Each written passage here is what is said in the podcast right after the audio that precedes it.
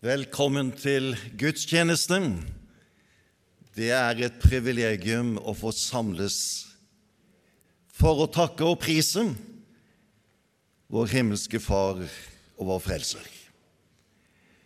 Og det er et privilegium også å få dele Guds ord i sammen, slik at vi kan bli undervist, oppmuntret og utfordret. La oss be om at det også skal skje i dag.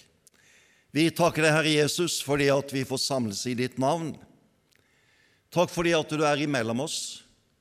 Og nå ber vi om at du stiger frem slik at vi lærer deg å kjenne, og lærer den tid å kjenne som vi lever i, slik at vi kan være vitner i vår tid, bære deg frem, gjøre deg kjent, slik at mennesker kan komme til tro på deg.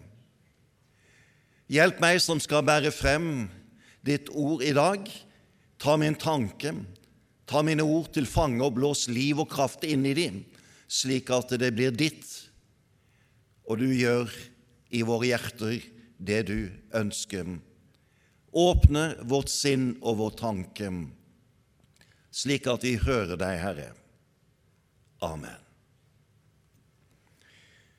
Prekenteksten på denne søndag er ifra Apostens gjerninger, kapittel 17 og vi leser ifra vers 22, og vi reiser oss.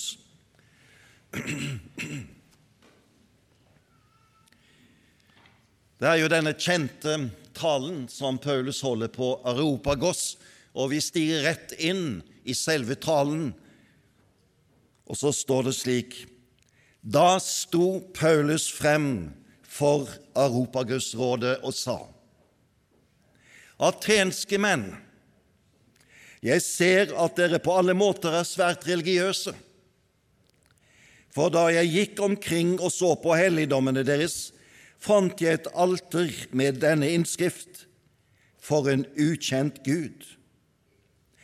Det som dere tilber uten å kjenne, det forkynner jeg.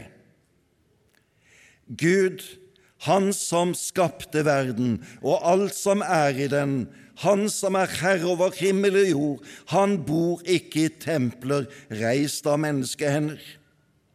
Han trenger heller ikke noe av det som menneskehender kan tjene ham med. Det er jo Han som gir liv og ånd, ja, alt til alle. Av ett menneske har Han skapt alle folkeslag. Han lot dem bo over hele jorden, og han satte faste tider for dem og bestemte grensene for deres områder. Dette gjorde han for at de skulle søke Gud, om de kanskje kunne lete seg frem og finne ham. Han er jo ikke langt borte fra en eneste av oss. For det er i ham vi lever, beveger oss og er til, men også, som også noen av deres diktere har sagt, for vi er hans slekt. Fordi vi altså er Guds slekt, må vi ikke tenke at guddommen ligner et bilde av gull eller sølv eller stein, formet av menneskers kunst eller tanke. Disse tidene med uvitenhet har Gud båret over med, men nå befaler Han alle mennesker, hvor de enn er, at de må vende om. For han har fastsatt en dag da han skal dømme verden med rettferd ved en mann som han har utpekt til dette. Det har han bekreftet for alle mennesker ved å reise han opp fra de døde. Da de hørte om oppstandelse fra de døde, gjorde noen narr av ham, men andre sa:" Vi vil gjerne høre deg tale mer om dette en annen gang. Så gikk Paulus fra dem. Men det var noen som sluttet seg til ham og kom til tro. Blant dem var Dionysios fra Arabokbakåsrådet og en kvinne som het Damaris, og noen andre. Hellig oss i sannheten, Ditt ord er sannhet. Amen.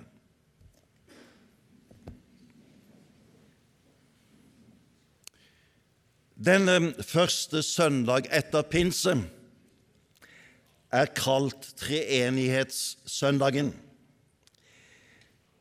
I og med denne søndag så er den delen av kirkeåret som kalles feståret, over. Alle de store høytidene ligger bak. Det betyr at alt det som Gud har gjort for vår frelse, er fullført. Og han har sendt sin Hellige Ånd over menigheten og utrustet dem til å gå inn i deres hverdag for å gjøre Kristus kjent. Det halvår som nå ligger fremfor oss, er hverdagsåret. Det året hvor vi skal tjene Ham, vitne om Ham, hvor vi ferdes og hvor vi går. Like til jordens ender. Og i denne prekenteksten møter vi da Paulus, hedningenes apostel. Han er på sin andre misjonsreise. Den startet ved at han besøkte de menigheter som var grunnlagt i dagens Tyrkia. Han besøkte Derbe, Lystra, Ikonium, Antiokia, og han tenkte å oppholde seg en tid i dette indre området av Tyrkia. Men så ble han drevet av Den hellige ånd mot byen Troas, havnebyen som førte over til Hellas, til Europa. Og når han kom frem der til denne by, har han dette syn. Der står en på den andre siden av sundet, en makedoner, som sier, Kom og hjelp oss. Slik starter Europamisjonen for Paulus. Han fikk fatt i en båt, og sammen med sine venner drog han over på den andre siden og besøkte den ene byen etter den andre i dagens Hellas. I Filippi, Tessalonika, Berøa, og så ender han da opp i Aten, hvor vi møter ham. Aten visdommens sentrum i datidens Romerrike. Ingen by var mer kjent for sin visdom enn denne by. En stolt historie. Her hadde Sokrates, Platon og Aristoteles levd og dannet sine akademier. Her reiste enhver som ønsket å bli populær på innenfor filosofi og tenkning. Her var det tidens tanker ble brutt. I denne byen, Aten, finnes der også en synagoge. Og det første Paulus gjør, det er å søke opp denne synagogen. Der møter han sine landsmenn.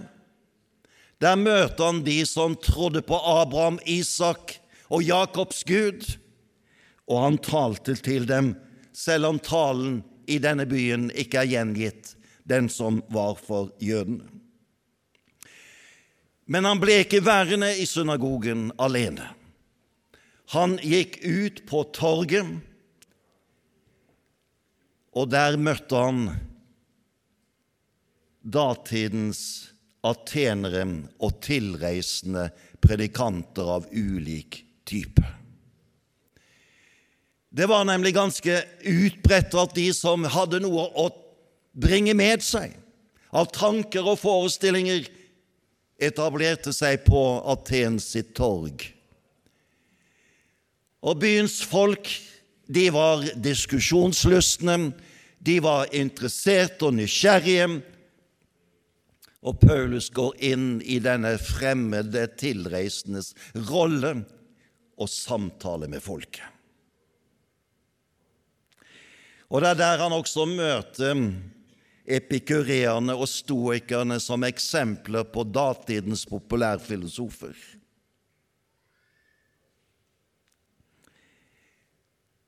Folk er nysgjerrig.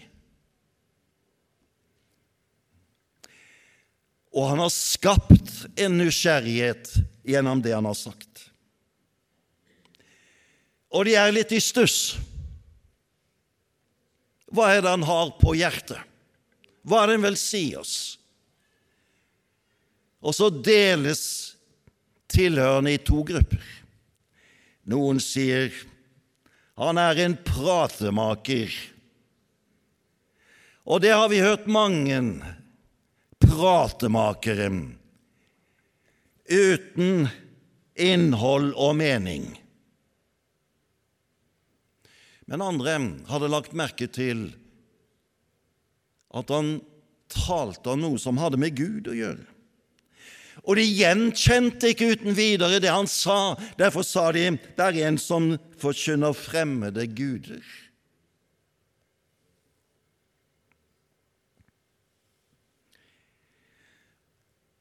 Og de fleste atenere var skeptiske til å høre om fremmede guder. For byen var jo full av templer for forskjellige slags guder. Og der var Guds bilder for den ene og den andre av den rike gudeverden som helenerne hadde skapt seg. Og det ender med at de ønsker å ta Paulus med opp på Areopagos, hvor byens ledende forsamling var samlet. Og der er det at teksten vår begynner. Da sto Paulus fremfor Areopagos-rådet. Byens ledende menn. og han avslører deres religiøse lengsel og deres religiøse avgrunn.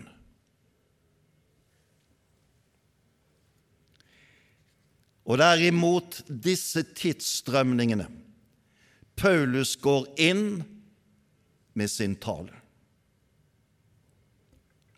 Så kan vi spørre hvor er vårt Areopagos. Hvor er vårt sted hvor det brytes, og hvor strømdrager møter hverandre for å ta grep om sinn og tanke?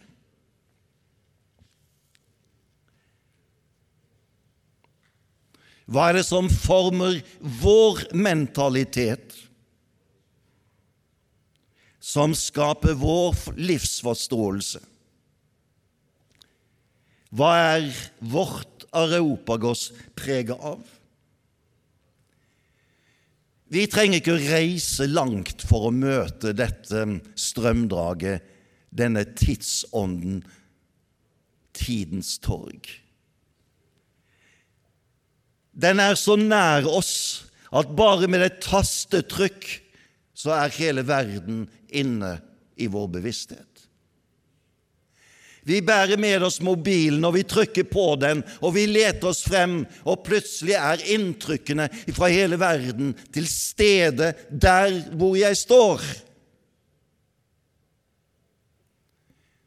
Min iPad og min datamaskin gjør at denne verden, som er stor og vid, den blir plutselig så liten ved det at den stiger inn i mitt eget liv gjennom en liten maskin. Og der strømmer det på av tanker, av forestillinger. Vi bombarderes hver eneste dag. Det skapes drømmer og forventninger. Det former min tanke og mine forestillinger. Det preger mitt liv. Vi lever i en tid hvor mediemakten og mediepåvirkningen er sterkere enn noen annen påvirkningskraft har vært i tidligere tider. Den makt som media har for å skape sin forestilling og mentalitet, er enestående for vår tid. Og vi møter det store mangfold.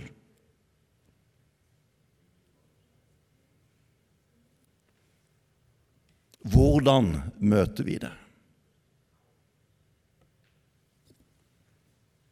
Hva kan vi lære av Paulus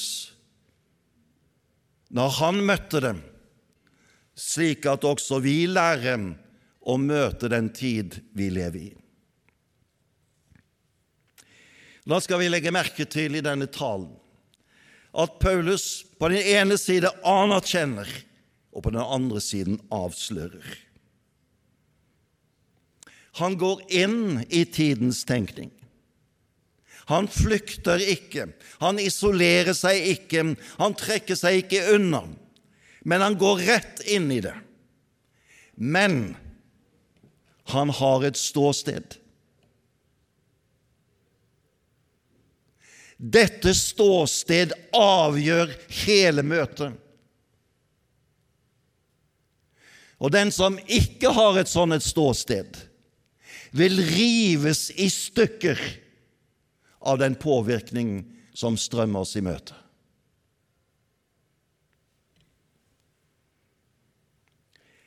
Han har en enestående kunnskap om Gud. Åpenbart ham den anvender han og bruker når han møter sin samtid for å spørre hva er det som skjer imellom dere? Hva er det som kommer til uttrykk? Og Så bruker han denne sin kunnskap. Han står trygt fordi han vet på hvem han tror, og han kjenner åpenbaringskunnskapen. Han ser deres religiøsitet. Han ser deres templer og deres mange avgudsbilder. Og det har skapt en stor uro inni ham. Men blant de mange alter finner han altså det ene som har denne innskrift For en ukjent Gud. Han registrerer altså en religiøs lengsel som ikke finner ro i de gamle gudelærene og gudebildene. Og Slik sett slutter Paulus seg til noe av den kritikk som også en rekke filosofer hadde brukt og anvendt mot datidens religionspluralisme. Men når Paulus går inn i den, er det på en helt annen måte enn epikureerne og stoikerne og de andre populærfilosofene. Han gjør det ikke ut ifra en uklar lengsel etter noe, men fordi han kjenner sin Gud. Han vet på hvem han tror. Og så sier han Gud som har skapt verden, som er herre over himmel og jord. Han som har gitt liv til alt som lever. Hvordan kan han bo i et tempel eller i et avgudsbilde?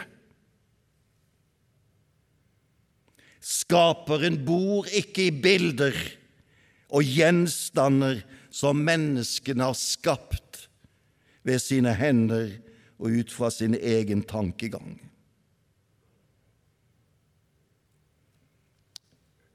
Vender vi oss fra denne situasjonen til vår egen tid,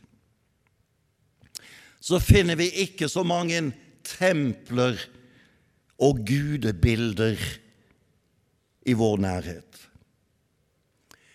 Men vi finner tankebygninger slik som Paulus omtaler det i 2. Korinterbrev kapittel 10, tankebygninger som reiser seg mot kunnskapen om Gud.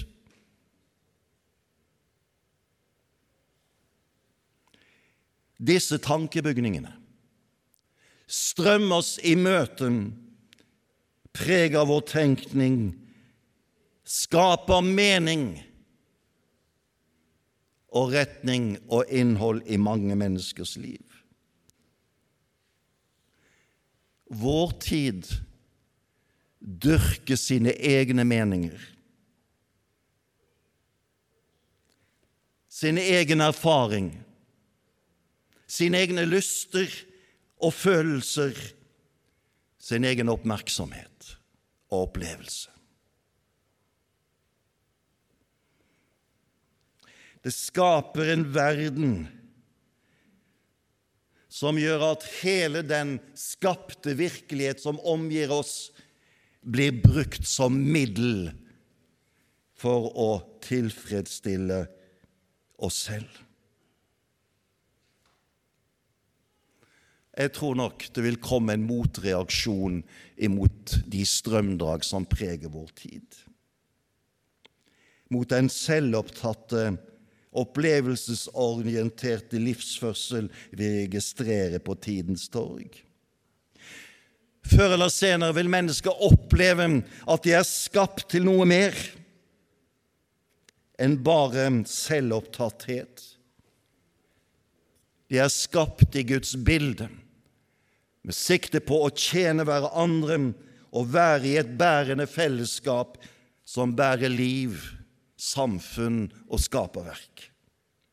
Tomheten vil til slutt melde seg som en lengsel etter dypere mening og sammenheng i livet.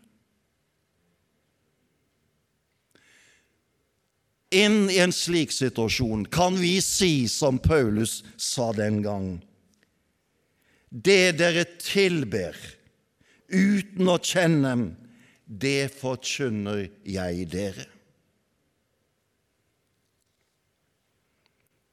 Paulus ville fylle datidens tomhet og mangel på kunnskap og kjennskap til Gud. Derfor sier han at Gud har båret over med uvitenhetens tid.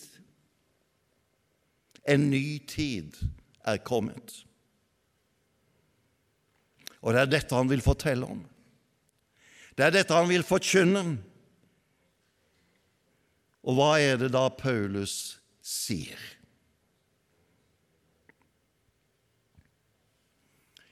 Gud har alltid vært skaperen og opprettholderen av skaperverket. Det er Guds skjulte gjerning som merkes av alle, men som bare kan forstås i lys av kunnskapen om Gud som skaper. Men nå har Gud handlet inn i verden på en nyskapende måte.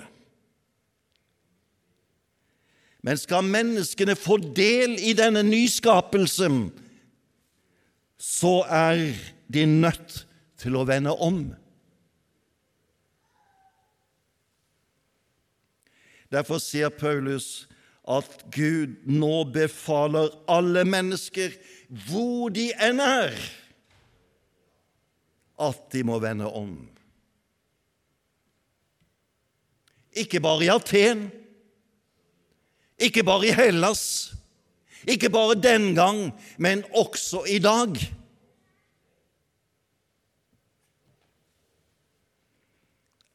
Guds kall er et kall til omvendelse. Paulus har grepet fatt i deres religiøse liv. Han har sett deres templer og avgudsbilder. Men fortsetter de på den veien, så fører den ikke frem til den nyskapning som Gud har satt i gang. De kommer ikke inn i Guds plan med sitt liv. De må vende om.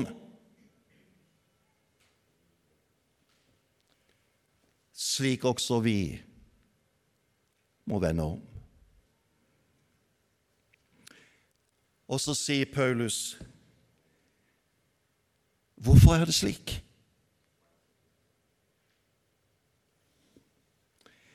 Og Paulus gir en første begrunnelse i teksten, ser dere, vers 31. For han har fastsatt en dag da han skal dømme verden med rettferd. Menneskelivet og menneskeslektens utvikling og historie ender opp i et møte med Gud på dommens dag, hvor rettferdighet kommer til å seire. Vend om slik at du kan være i den situasjonen på dommens dag at du ikke blir fordømt til død og undergang.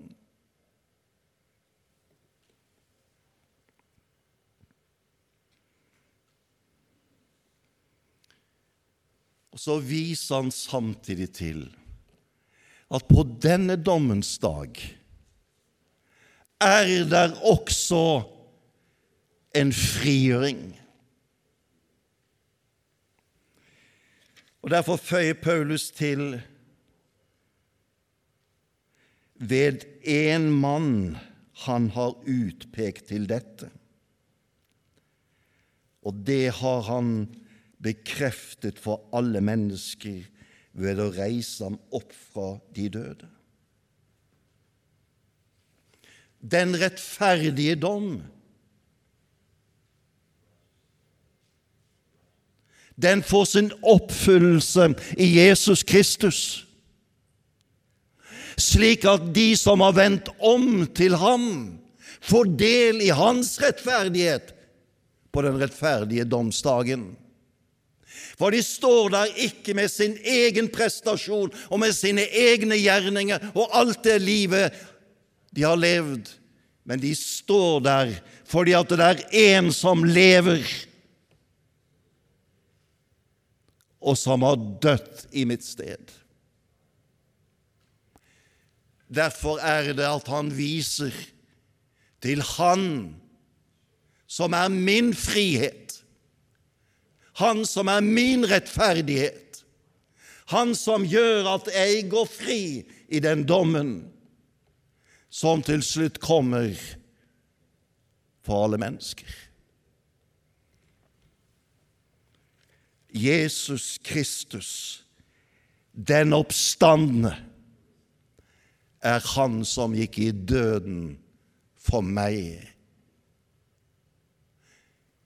Han som skaffer frem det ståsted som jeg kunne stå på og kan stå på, fordi jeg har vendt meg om til ham og får del i hans frelse. Det er budskapet. Det er det som redder. Og det er det vi er satt til å forkynne. Inn på tidens torg, inn i vår tid, i møte med den tid og mentalitet som råder i dag. Skal du gå inn i den? Skal du være et vitne